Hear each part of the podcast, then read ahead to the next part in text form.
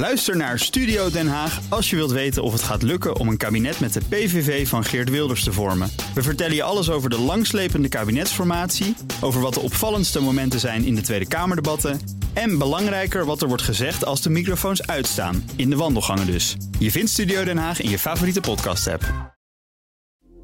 Dit is een BNR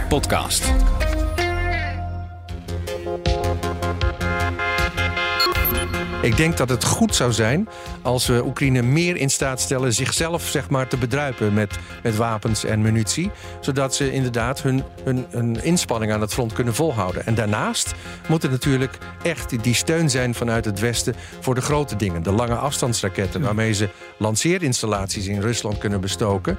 Uh, de vliegvelden waar vandaan bommenwerpers met kruisvluchtwapens uh, uh, starten, kunnen we bestoken. Dat is echt nodig.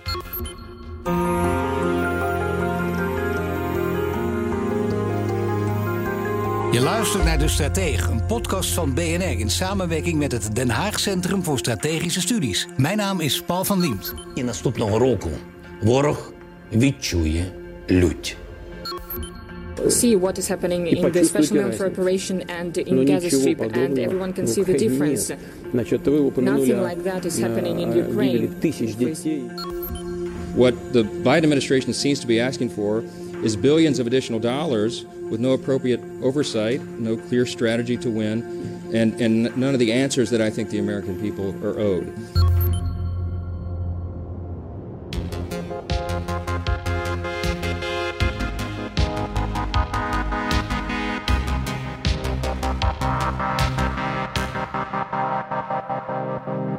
De oorlog in Oekraïne is een derde jaar ingegaan en waar het front in 2022 nog erg bewoog, zagen we afgelopen jaar veel stilstand aan het front en is het Oekraïense tegenoffensief eigenlijk mislukt.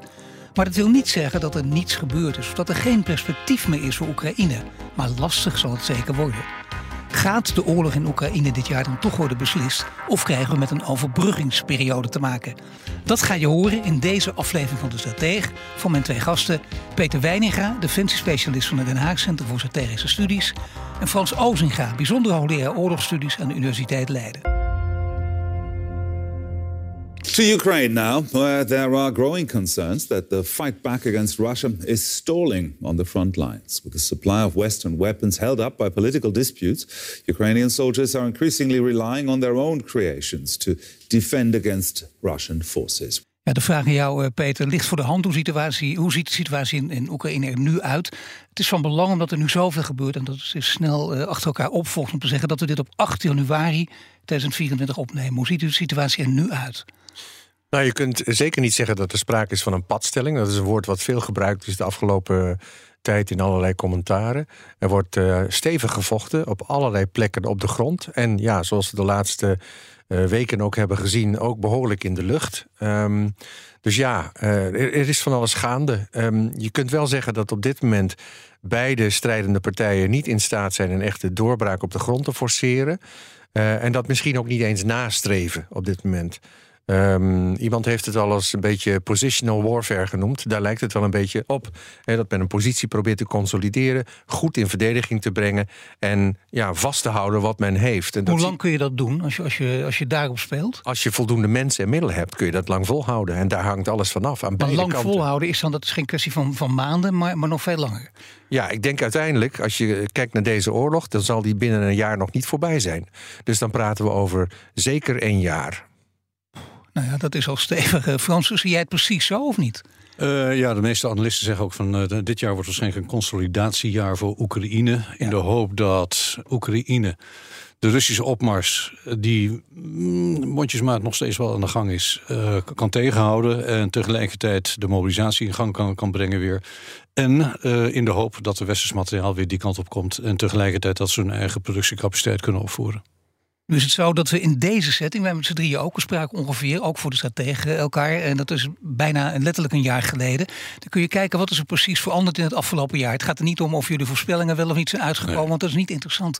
Het is veel interessanter natuurlijk van wat, er, wat als je terugkijkt en wat er echt veranderd is. Wat, wat, is, wat is de kern van de verandering uh, als, je, als je het afgelopen jaar bekijkt? Peter. Ja, of het afgelopen jaar zoveel veranderd is. In ieder geval kun je wel zeggen dat ehm, de Russen het initiatief hebben moeten prijsgeven. Wat ze natuurlijk aanvankelijk in handen hadden, dat is het afgelopen jaar eigenlijk wel ontnomen. Door inderdaad een uitstekende Oekraïnse verdediging. En ook een aandringen voor wat betreft het offensief. Serieus winteroffensief. Nee, eh, eigenlijk over het hele jaar genomen uh, moet je dat zien. Um, dat wil niet zeggen dat de Russen het initiatief voor goed kwijt zijn. Het kan heel goed zijn dat ze dat weer terugwinnen. Maar op dit moment kun je eigenlijk wel zeggen dat beide uh, ja, tegenover elkaar staan en proberen wat ze hebben te behouden en zo goed mogelijk in verdediging te brengen en hier en daar winst te boeken. En daarbij kun je, en dat is denk ik wel het belangrijke wat je aan Russische kant kunt zien, is dat ze met massaliteit proberen effect te creëren. Dat doen ze op de grond. We zien nu Afdivka met enorme uh, menselijke golven, zeg maar, die zich eigenlijk te pletter lopen op de Oekraïnse verdediging. Proberen ze de Oekraïnse verdediging eigenlijk te verzadigen. Zodanig dat die uitgeschoten raakt en denkt van ja, weet je, ik heb geen munitie meer. Misschien moet ik me naar een beter verdedigbare positie uh, terugtrekken. en dat is dan de terreinwinst die de Russen boeken. Met enorme aantallen slachtoffers. Maar er is ook een andere manier van kijken dan alleen terreinwinst. Dus als je zo kijkt, dan denk je ja, de, eh, toch, ja. volgens mij Frans, dat maakt wat uit. Hè? Je kan naar terreinwinst kijken, je kan ook naar de, naar de artillerie kijken. Wat, voor, wat, wat heb je daar Ja, precies. En als je dan kijkt wat er afgelopen jaar gebeurd is, dan heeft Rusland in totaal, als ik me niet vergis, rond de 540 vierkante kilometer gewonnen. Eh, vanaf de zomer heeft Oekraïne rond de 500 vierkante kilometer weer teruggewonnen. En die 40 vierkante kilometer die Rusland dan heeft gewonnen, uiteindelijk heeft ze ongeveer 100.000 slachtoffers gekost. Als we nu kijken naar de verliezen, want dat is eigenlijk ook hoe je progressie kunt meten, dan heeft Rusland in deze oorlog in twee jaar tijd 360.000 man verloren. Dan praten we over meer dan 7000 stukken artillerie, meer dan 5000 tanks en meer dan 10.000 panzervoertuigen. 60 tot 70 procent van de beschikbare conventionele landstrijdkrachten van Rusland is in twee jaar tijd volledig vernietigd. Ja, dat is zoveel dat je kunt spreken van, die woorden worden ook elke keer gebruikt, soms ten onrechte, maar hier terecht substantiële verliezen toegebracht aan de Russen. Absoluut. Kijk, we weten natuurlijk niet precies wat er aan de Oekraïnse zijde is gebeurd. En ik hoorde pas een uh, Oekraïns analist zeggen van luister, daar waar Rusland tien man verliest, verliezen wij er één. Daarvoor, vorig jaar hoorden we al uh, één op zeven, één op zes. Dus ook Oekraïne leidt terdege verliezen. Zeker in de huidige tijd, uh, waar Rusland steeds meer overgaat tot het gebruik van drones, zie je dat de verliezen toenemen. Maar Rusland Rusland is er twee jaar geleden niet in geslaagd om met de beste eenheden Oekraïne te verslaan en te veroveren. In twee jaar tijd is het niet gelukt. En vandaar ook dat wat Peters net zegt. Het ziet er nu uit dat Rusland ook afgelopen jaar... en zeker de komende maanden er niet in geslaagd is... en niet in zal slagen om een doorbraak te forceren. Wat twee jaar geleden niet gelukt is... zal ook het komend jaar niet lukken. Dat is maar dus... daar zit een, wel een enorme conditie achter. Namelijk, dit is heel erg afhankelijk van het doorgaan van de westerse steun. Ja, nee, daar gaan we zo meteen uitgebreid over door. Maar ik wil eerst toch nog iets weten over Oekraïne. Want dit is vanuit Oekraïns perspectief uh, onverwacht bijna. Althans, uh, zeker uh, als buitenstaanders heb je, had je niet verwacht dat Oekraïne niet alleen zo lang stand zou kunnen houden, maar ook de Russen zoveel ja, schade zou kunnen toebrengen. Alleen, ze hadden nog veel meer willen bereiken. En wat is daar misgegaan? Peter? Oh ja, je, eh, als je kijkt naar de, de oorzaken van het bijvoorbeeld niet uh, lukken van het offensief, het Oekraïnse of, grondoffensief vorig jaar, dan zijn er vele oorzaken. Deel daarvan heeft het te maken met een gebrek aan toch wel zware wapens. Zware wapens om de Russische artillerie het zwijgen op te leggen. voldoende spullen om, om ja, redelijk beschermd ontmijning te kunnen plegen. En, de mijnenvelden die de Russen hebben aangelegd waren ongelooflijk diep. Ja, maar ik bedoel ook als je naar Oekraïne zelf kijkt, heeft het ook, ook te maken met uh, ik, ik, durf het bijna niet zo te zeggen, maar toch maar hoe je in de wedstrijd staat. Oftewel hoe je formaties aanstuurt. Dat doet natuurlijk ook toe. Heeft Oekraïne daar iets laten liggen? Nou, dat wordt wel gezegd inderdaad. En, en dat zou je kunnen zeggen. Uh, Oekraïne is niet gewend om met grotere formaties van gecombineerde uh, wapens zeg maar, uh, op te treden. ze hebben die ervaring niet. Ze hebben de leiders niet die dat kunnen. Ze hebben ook de staf niet die dat kan ondersteunen. Aan de andere kant, en dat is een ander argument wat je hoort, is ook de vraag of dat in deze situatie precies gevraagd is. Um, um, dit is een heel ander soort oorlog dan waar wij in het Westen ooit uh, op voor hebben getraind en geoefend. Um, dus het is maar precies de vraag wat hier nou um, debet aan is. Ik denk wel dat je mee moet rekenen dat tegen de verwachting in de Russen een veel betere verdediging overeind hebben gelopen dan iedereen dacht aanvankelijk. Ze zijn uitermate bedreven in het gelaagd verdedigen zeg maar, van een gebied in meerdere linies tot tientallen kilometers diep. En dat heeft, denk ik, ja, eh, dat hebben de Oekraïners denk ik onderschat. Uh, wat ook meespeelt is dat uh, een paar goede artikelen in de Washington Post die dat gereconstrueerd hebben. De Amerikanen zeggen van luister, je moet je focussen op één front. Ja, dat is leuk, zeiden de Oekraïners, maar we hebben een duizend kilometer lang front. Wij kunnen natuurlijk ook niet veroorloven dat Rusland in het oosten vervolgens vorderingen gaat maken terwijl wij in het zuiden bezig zijn. Dus wij moeten ons wel splitsen over drie verschillende locaties. Ja, daarmee verdun je natuurlijk wel de, de uh, ja, je krijgsmacht die je dan hebt, die je beschikbaar hebt voor een offensief. Dus dat is één. Het westerse materieel kwam pas later binnen dan ze eigenlijk hadden gewild. Waardoor Rusland meer de tijd heeft gehad om de verdediging op orde te brengen. En, en dat zeggen de Oekraïners heel duidelijk: van luister, jullie verwachten voor ons een bewegelijk gevecht. Een snelle doorstoot volgens de westerse doctrine. Maar die is helemaal opgehangen aan luchtoverwicht en luchtsteun. En dat hebben we niet. Dus het plan wat Amerika Amerikanen eigenlijk verwachten en voor ogen hadden, ja, dat kunnen wij gewoon simpelweg niet toepassen. Gekoppeld ook aan het gebrek aan training en ervaring, waar Peter het zo net had. Dus een aantal factoren gewoon bij elkaar. En waarschijnlijk hebben wij gewoon van in het Westen iets te hoge verwachtingen gehad. Ja, ik denk dat wat meegespeeld heeft, is dat wij de Oekraïnse soldaten die wij hebben getraind, inderdaad, binnen die westerse doctrine hebben getraind. En die gaat uit van voldoende luchtsteun, luchtoverwicht. Zodat je inderdaad eh, zeg maar kunt rekenen op die steun vanuit de lucht. En die heeft het natuurlijk daar heeft het totaal aan ontbroken. Maar met deze kennis, uh, waarvan we weten wat er aan ontbroken heeft, kun je zeggen, nou dan gaan we nu trainen vanaf dit moment. Of misschien gebeurt het ook al op uh, inderdaad grote formaties aansturen. Nou, dat niet. Maar, maar wat wel zo is. Dat gebeurt niet. Nee, eh, ik denk ook niet dat dat op dit moment gevraagd wordt. Wat met name gevraagd wordt, is dat er eh, getraind wordt zeg maar, op de strijd die daar moet worden gevoerd. En dan moeten ze het inderdaad voorlopig nog zonder uh, die luchtsteun doen. Um, je ziet dat de trainingen in het Westen al worden aangepast aan de behoeften van Oekraïne. Je ziet ook dat Oekraïne zelf ervaren mensen vanaf het front haalt om in te zetten als trainer in hun eigen uh, land, zeg maar, nadat ze door het Westen zijn opgeleid. Dus in die zin denk ik dat de, de nou ja, de, de, de troepen die vanaf nu zo ongeveer in Oekraïne aan het front zullen uh, arriveren, beter voorbereid zijn op daadwerkelijk wat daar aan het front van ze wordt verwacht. Nou, wat er meespeelt is dat uh, wat Oekraïne wel goed gedaan heeft. Ze hebben ze heel snel aangepast toen de initiële uh, opmars gewoon stokte. Zijn ze vervolgens overgegaan eigenlijk naar een artillerie oorlog, waarbij Oekraïne heel succesvol in is geweest om Russische artilleriestellingen uit te schakelen. Ergens tussen de 20 en 40 uh, per dag.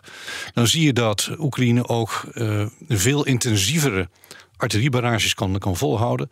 Alleen dat stokte de afgelopen twee, drie maanden al, omdat de, de voorraden artilleriemunitie heel snel leegliep. En dan zie je dat Rusland dat weer kan overnemen. Dus vandaar dat het beeld dat wij hadden over moderne oorlogvoering, wat we zagen in, in bijvoorbeeld in Operation Desert Storm in Kuwait in 1991 eh, of in Iraqi Freedom 2003, dat beeld kan daar niet worden toegepast. Oekraïne kan dat nooit door neerzetten. Maar vandaar dat ze nu vragen van luister, geef ons die F-16's. Zodat we in ieder geval boven het front luchtoverwicht kunnen hebben.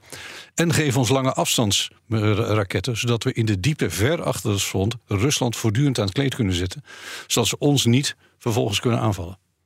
Just had a good meeting with President Zelensky. I reiterated to him that we stand with him and against Putin's brutal invasion. What the Biden administration seems to be asking for is billions of additional dollars with no appropriate oversight, no clear strategy to win, and, and none of the answers that I think the American people are owed.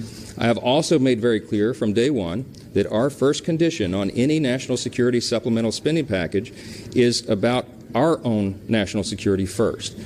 Ja, worden dus Mike Johnson, speaker van het Amerikaanse Huis van Afgevaardigden. Dat leek nog heel redelijk te beginnen, maar de afloop eh, was anders. Eh, in dit handig opgestelde fragmentje van hemzelf. Want uh, ja, we hadden het al een beetje over natuurlijk. Hè? De oorlogsmoeheid, daar werd al heel snel ook over gesproken. Tuurlijk vanuit Amerika, ook een beetje vanuit Europa. Gaat dat niet een van de grote angels worden in deze grote strijd? Nou, ik, zie, ik, zie, geen, ik zie geen vermoeidheid. Um, dat, dat, dat beeld wordt door de media neergezet. Maar als je kijkt naar wat de Finse, de Baltische, de Poolse premiers en minister van Buitenlandse Zaken allemaal zeggen. Wat uh, in Engeland wordt gezegd, maar ook wat ons eigen parlement heeft gezegd. Driekwart van ons eigen parlement zegt: steun aan Oekraïne moet doorgaan. In Amerika is een ander verhaal. Daar wordt een pakket van 60 miljard geblokkeerd door Johnson vanwege binnenlandspolitieke overweging. Dus wat Johnson dan zegt is pure flauwekul. Een strategie, toezicht. Eh, er is helemaal geen sprake van corruptie als het gaat over die, eh, de wapenleveranties. Dit is binnenlandse politiek van de Republikeinen, die afgelopen week ook gewoon keihard gezegd hebben: van luister, wat Biden ook doet, omdat het van de Democraten afkomstig is, zullen wij tegenstemmen. Dus we moeten daar iets genuanceerder naar kijken. Maar het is wel een groot probleem voor Oekraïne, absoluut. Maar laten we beginnen met Amerika. Want dat is duidelijk. Hoe dan ook, die oorlogsmoeheid is er daar wel. Althans, uh, afstand nemen van. Uh, minder willen gaan leveren. Die, daar moet je gewoon zeker, zeker rekening mee houden. In Europa zeg je dus duidelijk geen vermoeidheid. Inderdaad, als je het rijtje maakt. Nou, zeker, of toch wel een beetje. Nou, zeker want dat is... Uh, niet bij landen zeg maar, die de Russen in de keuken hebben gehad. Nee, ja, om maar eens even een oude kreet te parafraseren. Nou, ja. um, uh, die landen weten donders goed uh, wat het gevaar is wat hiervan uitgaat. En uh, die zijn ook leidend, denk ik, in de hele Europese beweging om te proberen toch weer zo'n zo steunpakket. Maar die hebben dit al jaren geroepen, die later werden onze ogen geopend. Ja, en laat ik zo zeggen, onze ogen zijn gedeeltelijk geopend. Om even eh, terug te verwijzen naar Mike Johnson, die laatste zin waar hij zegt van ja. het gaat eigenlijk om de veiligheid van Amerika. Dat moet bovenaan staan. Dat is heel tekenend voor het gebrek aan besef dat het inderdaad om de veiligheid van Amerika en Europa gaat. Uh, deze strijd die in Oekraïne wordt gevoerd gaat om onze veiligheid. En dat zit te weinig bij mensen in het Westen tussen de oren. Dat betekent eigenlijk dat, dat wij die strijd moeten voeren. Nikki Haley, een van de presidentskandidaten, ook een uh, republikein en een tegenstander ja. van Trump, die heeft het heel goed gezegd. Wij, wij, wij doen dit om te voorkomen dat Amerikaanse soldaten daar moeten ingrijpen. Dat is een heel belangrijk argument ja. voor Amerikanen. En ik denk uh, dat zij het bij het rechte eind heeft. Want als het inderdaad dit zomaar laat lopen, dan komt het uiteindelijk tot een situatie waarin je misschien wel wat moet ingrijpen. En dat willen we met z'n allen niet. Hey, dat is Amerika, maar Europa. En je vindt ook te veel dat wat Frans zegt, het is een beeld dat de media scheppen. Want inderdaad, dat hoor en lees je natuurlijk wel steeds vaker. Die oorlogsmoeheid, dan wordt het woord genoemd. Ja. En men zeggen, ja, dat is ook wel waar, dat klopt ook wel. En dan komt af en toe weer een enquête waar dat uit blijkt. Maar inderdaad, driekwart van het parlement in Nederland, en dat is toch belangrijk. De meerderheid zegt nee, volle uh, steun geven aan Oekraïne. Ja, dat is nog steeds zo, inderdaad. Ik denk ook dat dat goed is. Ik ben benieuwd hoe dat hè, in een nieuwe uh, regeringssituatie gaat komen. Want het speelt natuurlijk één partij mee die al heeft gezegd: uh, we willen dat niet. En een andere partij twijfelt erover hardop. Ja, uh, dus het is maar de vraag zeg maar, of dat tot, tot stand komt. Ja, je ziet andere landen hebben nou, heel duidelijke standpunten. Slowakije, Hongarije, Polen maakt het afhankelijk van allerlei condities. Ja. dus het is, het, het is lastig. En Um, het zit, denk ik, te weinig tussen de oren van mensen, de burger, uh, zeg maar, in, uh, in het Westen. Dat hier daadwerkelijk een westers belang, een Europees Wat belang. Wat inderdaad ook je eigen belang is. Letterlijk, zoals de Amerikanen bijna zeggen, what's in it for me. Juist. Ja, nou terecht. De Belgische uh, commandant de strijdkracht heeft gezegd van Europa moet voorbereid zijn op een eventueel conflict met Rusland. En anderen zeggen ook van ja, zelfs, uh, we moeten zelfs rekening mee houden dat als dat gebeurt, dat Amerika niet met ons meedoet. Die zijn met andere dingen bezig. Vandaar dat uh, verschillende studies nu ook op wijzen van Europa, je hebt nu ongeveer nog een window of opportunity van drie tot zeven jaar om in Europa onze eigen veiligheid en defensie weer op orde te krijgen. Zodanig dat we onze afschrikkingsstrategie geloofwaardig hebben, ook als Amerika zich mogelijk terugtrekt met bepaalde militaire capaciteiten. Nou is het zo dat Zelensky natuurlijk blijft oproepen tot het leveren van veel meer, met name luchtverdediging. Sowieso wapens, maar veel luchtverdediging. Wat heeft Oekraïne allemaal nodig? Welke wapens? Waar gaat het precies om? Het gaat over gelaagdheden. Nou, Peter is een oud-commandant van de Patriot-systemen. Dat zijn de, de meest hoogwaardige de, ja, verdedigingssystemen tegen die ballistische raketten en die hypersonische raketten. Daarnaast heb je gewoon uh, systemen nodig tegen de kruisraketten op kortere afstand tegen een drones. Het gaat over een gelaagdheid. F-16's gaan daar een rol in spelen trouwens ook. En, uh, het gaat ook over munitievoorraden. Maar het is een gigantisch groot land. Dus onvermijdelijk zijn daar gaten in. En dat zien we momenteel gebeuren. Afgelopen jaar dan zag je een onderscheppingspercentage stijgen naar de 80, 90 procent. Vandaag zagen we dat het geslonken is naar 40 procent. Met name als het ging over de hypersonische wapensystemen en tegen de ballistische systemen. Maar daar lees ik en hoor ik overal bij. We weten niet precies wat daar de reden voor is. Ja. Nou ja, die zijn gewoon moeilijker te onderscheppen. Ze hebben in feite twee Patriot-systemen nu. Er is een derde toegezegd, die komt vanuit Duitsland. Dat zou heel mooi zijn. Ik hoop dat er uiteindelijk nog meer komen. Maar die twee Patriot-systemen die, die dekken natuurlijk niet het hele land af. Dat is het grote probleem. En Patriot is eigenlijk het enige systeem wat zo'n ballistisch uh, wapen of een hypersonisch wapen kan onderscheppen. Maar ook Patriot, de capaciteit van Patriot is begrensd. Ze kunnen zoveel doelen tegelijk volgen en een bepaald aantal daarvan tegelijk onderscheppen. Maar ja, als er 50 op je afkomen, bij wijze van spreken, dan is die grens overschreden. Dus dan raakt het systeem in feite verzadigd en dan gaan er doelen doorheen komen of dan gaan er projectielen doorheen komen. Zou het kunnen dat uh, door wat er vandaag gebeurd is, maar sowieso ook door de, met name de Noord-Koreaanse steun aan uh, aan, aan, aan de Russen, dat, dat daardoor het Westen toch weer getriggerd wordt om wel snel hulp te bieden aan Oekraïne? Ik hoop het wel, want dat betekent gewoon dat de dreiging uh, vanuit Rusland voor Oekraïne en de Oekraïnse bevolking met name enorm gaat toenemen. En ja, die, uh, er is überhaupt uh, sprake van spanning, zeg maar. Uh, toenemende spanning tussen de twee Korea's op dat schiereiland. Ja. Want ook daar, zeg maar, is de Noord-Koreaanse dictator, ik ben zijn naam even kwijt. Um, ja, um, is, is aan het provoceren. Uh, dus weet je, dat is nog een extra aandachtpunt erbij. Dus wat dat betreft, ja, is het een zeer uh, onzekere situatie ja. op dit moment. Dit is een luchtoorlog hè, die aan de gang is. Ja. Uh, ze proberen, Rusland probeert heel bewust Oekraïne door zijn voorraad luchtafweer munitie heen te, te jassen. Rusland heeft waarschijnlijk nog, de laatste berekening, rond de 800 van dit soort raketten. Ze hebben er al 500 verschoten in de afgelopen week. Dus ook Rusland kan het niet voortdurend volhouden. Maar ze proberen hiermee de bevolking murf te beuken. En vervolgens ook Oekraïne te dwingen van oké, okay, met een afweging. Waar zet ik mijn schaarse luchtafweersystemen neer? Bescherming van mijn infrastructuur en uh, mijn steden of aan het front? Beide kan niet.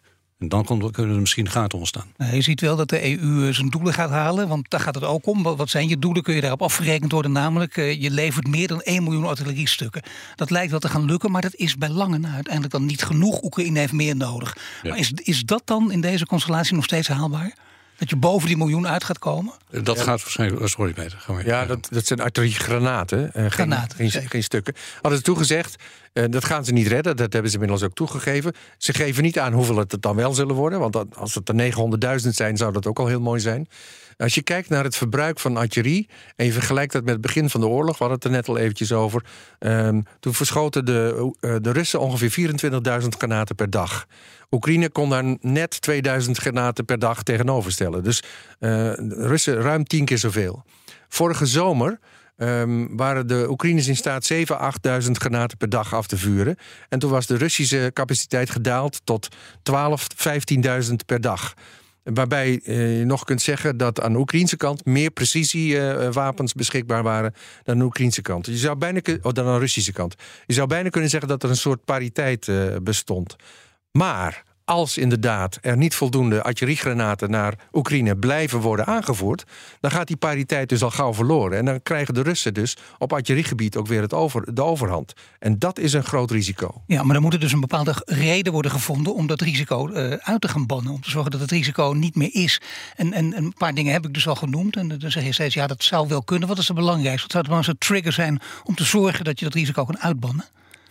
En, en, wat heel belangrijk is, er werd net al even aan gerefereerd door jou, um, is dat Oekraïne een eigen productiecapaciteit opbouwt. Daar wordt ook heftig in geïnvesteerd. Uh, de Duitsers gaan een tankfabriek ja. opzetten. De Amerikanen zijn aan het investeren op het gebied van uh, artilleriegranaten. De, en um, Turken onder andere zijn betrokken bij het opzetten van dronefabrieken. Er zijn inmiddels acht dronefabrieken in, uh, in Oekraïne uh, actief. En produceren ook drones met een bereik tot de duizend kilometer. Dus daar gaat wel verandering in komen. Dat is een heel belangrijk punt.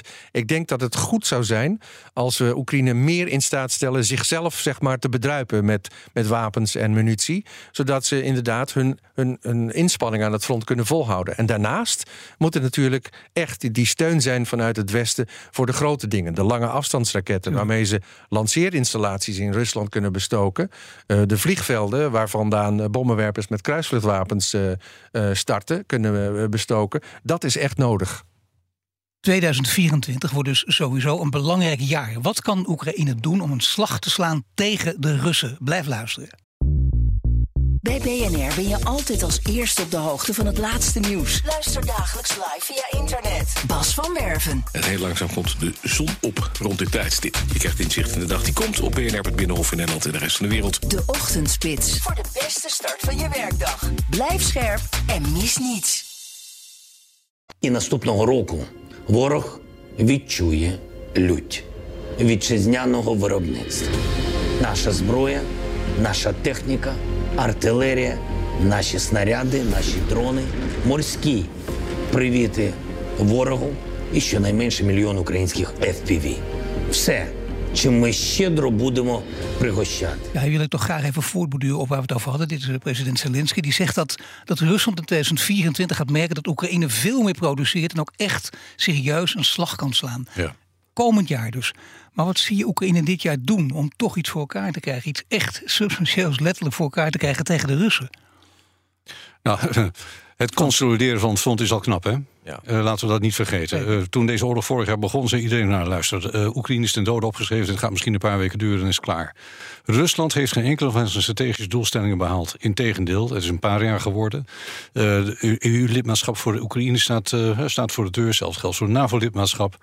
Dus we moeten het wel even in perspectief plaatsen. Dus ze doen al heel veel en heel veel goeds. Zelensky zegt in die toespraak ook van luister, wat wij nodig hebben is lange afstandsraketten, drones. Die 300 miljard die uh, het Westen geconfiskeerd heeft van Russische tegoeden, die moeten vrijkomen. Uh, wat we ook nog nodig hebben is artilleriemunitie, waar Peter het over had. En we hebben luchtverdediging, luchtverdediging, luchtverdediging nodig. Ja. Dat gaan we ook zelf produceren. En zeker die drones, inderdaad, duizenden drones hebben ze nodig. Want ze verliezen er ook per dag honderden. Um, maar dat kunnen ze inderdaad zelf produceren. Dus daar, op dat gebied gebeurt er heel veel. Um, een van de problemen, evenwel, dat hoor je de commandant van de, de Oekraïnse strijdkracht ook zeggen, is manschappen. Ja. Voldoende manschappen om deze oorlog vol te houden. Ja. Ja, en we weten dat de Russen meer dan voldoende manschappen hebben. Dat, dat, dat oh gaat door de hele geschiedenis heen altijd maar weer door. Ik bedoel, dat is wel een van de punten waar ze het per definitie op kunnen gaan in winnen. in potentie hebben de Russen in voldoende potentie, zeker. Want ze hebben 100 miljoen inwoners meer dan Oekraïne. Dus dat betekent dat de potentieel, zeg maar, voldoende zijn. Alleen Um, dus ze hebben vreselijk veel moeite mensen te mobiliseren, uh, goed uit te rusten, uh, goed te trainen. Uh, eigenlijk kun je nu zeggen wat er in Avdivka allemaal op de Oekraïners wordt afgestuurd en daarbij bosjes sneuvelt, is allemaal slecht getraind, slecht voorbereid om die strijd te voeren. Um, dus dat, is, dat, dat, is aan, dat blijft aan Russische kant een probleem. Ze stropen niet voor niets de hele wereld af, zeg maar, naar allerlei huurlingen die ze met geld naar. Ja, die hooligans die ze ook inzetten, ze zetten echt alles en iedereen in proberen ze in te zetten. En in Rusland zelf stropen ze met name de ver afgelegen gebieden af. In Siberië, in de Caucasus en noem maar op. Met andere woorden, het Russische volk staat ook niet echt te trappelen om eh, dienst te nemen in, in deze oorlog. Dus potentieel hebben de Russen wel veel meer mensen. Um, maar je moet nog zien of ze dat allemaal inderdaad ook daadwerkelijk aan het front kunnen inzetten. Toch de meest reële inschatting, waar jullie het al een beetje over hadden en ook op zin speelden. 2024 als een soort overgangsjaar. Dat, dat zou het kunnen worden. Waarbij de grote variabele is, wat gebeurt er met de verkiezingen in Amerika. Ja. Want dat bepaalt wat er in 2025 kan, kan gaan gebeuren. Ja. ja, dat betekent dus inderdaad uh, Trump, Haley, Kijk, als, democraten. Dus als, als Trump aan de macht komt, dan is de kans groot dat inderdaad Amerika zich terugtrekt uh, uit de NAVO. Dat zegt hij ook gewoon. Dat betekent ook waarschijnlijk het einde van de democratie in Amerika. Maar dat zal ook in Europa een weerslag hebben. Uh, rechtsextreme autoritaire regimes in Europa zullen dat als een vrijbrief zien, als een zo'n steun in de rug. En dan zul je ook snel zien dat uh, er allerlei splijtswammen in Europa komen. Die zullen leiden tot het einde van de steun aan Oekraïne uitermate zorgelijk. Dat is heel zorgelijk en bovendien ook heel reëel dat dit zou kunnen gebeuren. Als iemand als Nikki Haley, de kans is niet heel groot, maar stel dat die het gaat worden. Als Republikeinse uitdager, dan een hele andere situatie. Ja, ja. waarbij de vraag is in hoeverre zij bestand is tegen de Trumpisten binnen de Republikeinse Partij. Dat is, dat is de grote vraag. Ze is wel aan het inhalen. Trump stond op 37 procent en zij staat inmiddels op 33 procent. Ja, dat redelijk dichtbij. Dat is al heel knap. Dus ik ben benieuwd hoe het verder gaat. Ik hoop dat hè, uh, Um, als er inderdaad uh, zover komt dat, uh, dat Haley in staat is uh, om in ieder geval de kandidatuur naar zich toe te trekken. en dan gaat er een interessante race ontstaan. Maar um, ja, het, het, het is wel erop of eronder. En het wordt wel gezegd, inderdaad, een omslagjaar misschien. Een consolidatiejaar, een omslagjaar. We gaan zeker het einde nog niet zien van dit conflict. Maar wat je wel ziet, is de toenemende, de toenemende nadruk die Oekraïne vestigt op, op de Krim. Uh, het hele grondoffensief ging richting de Krim. Was de bedoeling eigenlijk om Melitopol of Berdiansk te bereiken en die verbinding met de Krim door te snijden. Um, je ziet toenemende aanvallen met drones en uh, raketten op de Krim. Ze hebben in feite zijn ze er al in geslaagd om de Russische vloot uit het noordwestelijk deel van de Zwarte Zee te verdrijven. Uh, ze raken de Russische vloot zelfs aan de andere kant, de oostkant van de Krim. Dat uh, schip met munitie, wat twee weken geleden ongelooflijk de lucht invloog. dat is toch wel een behoorlijk succes. Ik denk dat ze ook steeds meer zullen zich richten op de lanceerinstallaties die op de Krim aanwezig zijn, van waaruit heel veel van die Shahed-drones worden afgevuurd. Dus je, je ziet een, een, soort nadruk op de Krim ontstaan. En ik denk dat ze ook zullen proberen om de Krim zoveel mogelijk in een isolement te dwingen.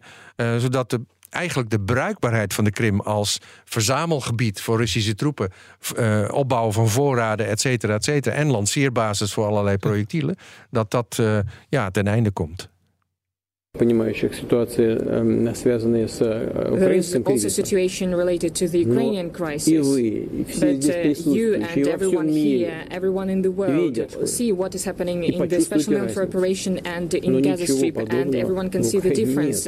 Nothing like that is happening in Ukraine. Ja, dus Poetin die dus zegt dat je de oorlog in Gaza en Oekraïne niet met elkaar kunt vergelijken. Frans het Midden-Oosten trekt op dit moment misschien nog meer onze aandacht.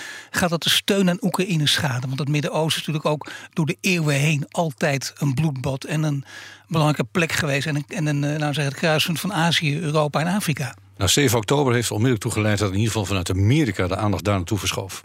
Uh, vanuit, vanuit binnenlands politieke overwegingen. Uh, daar is artillerie naartoe gegaan, daar gaat financiële steun nog steeds naartoe. Dus in die zin leidt dat af van de oorlog in, Oekraïne. Uh, en dat is voor Oekraïne een kwalijke zaak. we kunnen dat conflict wat dat betreft ook niet loszien van datgene wat in Europa gebeurt. We moeten ook uh, datgene wat momenteel in de Rode Zee gebeurt met de Houthi-rebellen. Die allerlei schepen aan het uh, beschieten zijn. En datgene wat in de Zuid-Chinese Zee gebeurt door, door China, die agressie daar.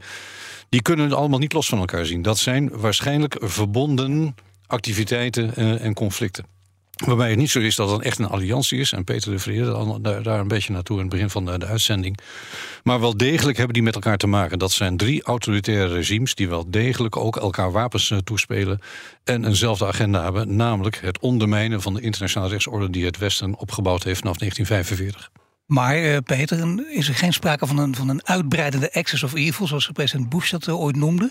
En uh, wat je bijvoorbeeld ook ziet bij het globale zuiden, dat er steeds meer in meegaat. Je ziet er bij stemmingen in de, in de Verenigde Naties. Wordt die as steeds groter of niet? Ja, het, laat ik zo zeggen, die dreigt groter te worden. En het is niet zozeer dat er sprake inderdaad is van een alliantie. Maar het zijn wel dictaturen die gebruik maken van de gelegenheid. om inderdaad hun doelen na te streven. En, op, een, op een mogelijk gewelddadige manier. Ja, Zo'n flexibele allianties kun je dan misschien Kijk naar Venezuela. Die, het is een heel bijna twee derde van uh, Guyana claimt. vanwege de bodemschatten daar. En een referendum organiseert. waarbij de bevolking daar massaal voor stemt. Daarna is het even stil geworden, want de Amerikanen hebben wel gedreigd. Maar het is weer een aandachtspunt voor de Amerikanen. En het betekent mogelijk ook betrokkenheid van de Amerikanen als het inderdaad zover komt. Noord-Korea vuurt uh, raketten af binnen de exclusieve bufferzone van Japan. Dat hebben ze tot nu toe niet gedaan. Dus dat is ook weer een stap, weet je wel, waar de Amerikanen aandacht voor moeten hebben. En uh, dus het, het, is misschien geen alliantie, maar ze zien wat ze doen. En ze zien de, uh, dat Amerika aandacht voor al die zaken moet hebben. Dat eventueel partijen in moet steunen, positie moet kiezen. Dus ze voegen daar nog wat extra problemen bij. Eigenlijk om het Amerikanen zo moeilijk mogelijk te maken. En daarmee zetten ze inderdaad ook de internationale rechtsorde, zoals die sinds 1945 bestaat, onder druk. Ja, het kan nog veel verder gaan. Want laten we afsluiten met Rusland. En dan natuurlijk de vraag uh, die vaak gesteld wordt... of we in oorlog met Rusland gaan komen. Dat is niet de vraag, maar wanneer? Oftewel, uh, is Poetin in staat om de NAVO aan te vallen? Momenteel kan uh, Poetin zich geen direct conflict met de NAVO veroorloven. Het haalt op momenteel ook eenheden langs de Finse grens weg... Heeft ook weinig weerstand opgeleverd toen eh, Finland besloot om eh, lid te worden van, van de NAVO. Maar tegelijkertijd is wel de angst, en Poetin voedt dat zelf, uh, dat er op termijn na Oekraïne een land als Polen volgt of de Baltische Staten. En daarbij gaat het niet om dat we meteen een massale aanval hoeven te verwachten op het NAVO-verdragsgebied. Het enige wat Poetin hoeft te doen is een kleine incursion, een kleine inval over de grens bij bijvoorbeeld bij de Baltische Staten uh, de, uh, uitvoeren. Toch een speldeprik. Een speldeprik, maar waarbij hij wel gewoon afwacht wat dan uiteindelijk de Europese en de NAVO-reactie zal zijn. Maar dat is wel een rode lijn. Dat is een absolute rode ja. lijn, maar artikel 5 is niet een automatisch. De, de, betekent niet automatisch dat alle landen oorlog gaan voeren. En hij zal dat gaan, pro gaan proberen, zo'n zo'n limited probe uit de theorie heet het dan, om te kijken hoe hard die eenheid van de NAVO is. In de hoop dat uiteindelijk een aantal landen, ik kan me voorstellen Hongarije bijvoorbeeld, zeggen van nee, wij doen niet mee. En dat langzaam uiteindelijk een land als de Baltische, in de Baltische Staten alleen staat. Om daarmee het fundament onder de NAVO onderuit te halen. Dat is de grote angst. Dat is dus heel lastig uh, hoe je dan zult moeten reageren. Want inderdaad, artikel 5, dat kun je niet 100% heel simpel allemaal zo uitleggen. Dat weet Poetin ook, gaat ermee spelen. Maar ja, waar sta je dan? Voor welke keuze sta je dan? Want stel dat je uiteindelijk denkt, ja, je interpreteert het zo dat je die, die, wereldoorlog niet riskeert. Ja, maar wat dan? Ik bedoel, dan geef je hem helemaal de vrije hand. Nou ja, kijk, Poetin maakt gebruik van zwakheid.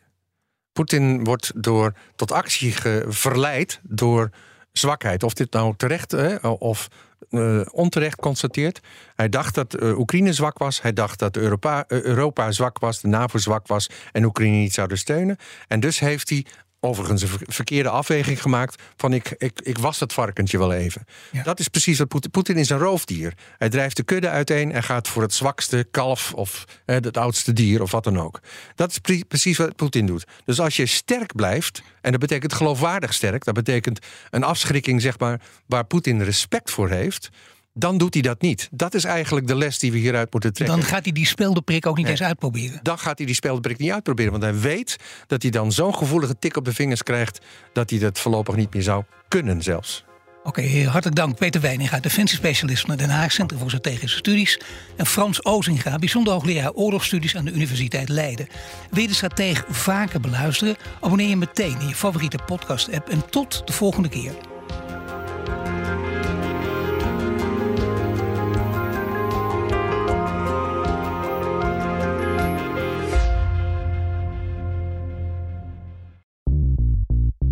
BNR ben je altijd als eerste op de hoogte van het laatste nieuws. Luister dagelijks live via internet. Bas van Werven. En heel langzaam komt de zon op rond dit tijdstip. Je krijgt inzicht in de dag die komt op BNR, het Binnenhof in Nederland en de rest van de wereld. De Ochtendspits. Voor de beste start van je werkdag. Blijf scherp en mis niets.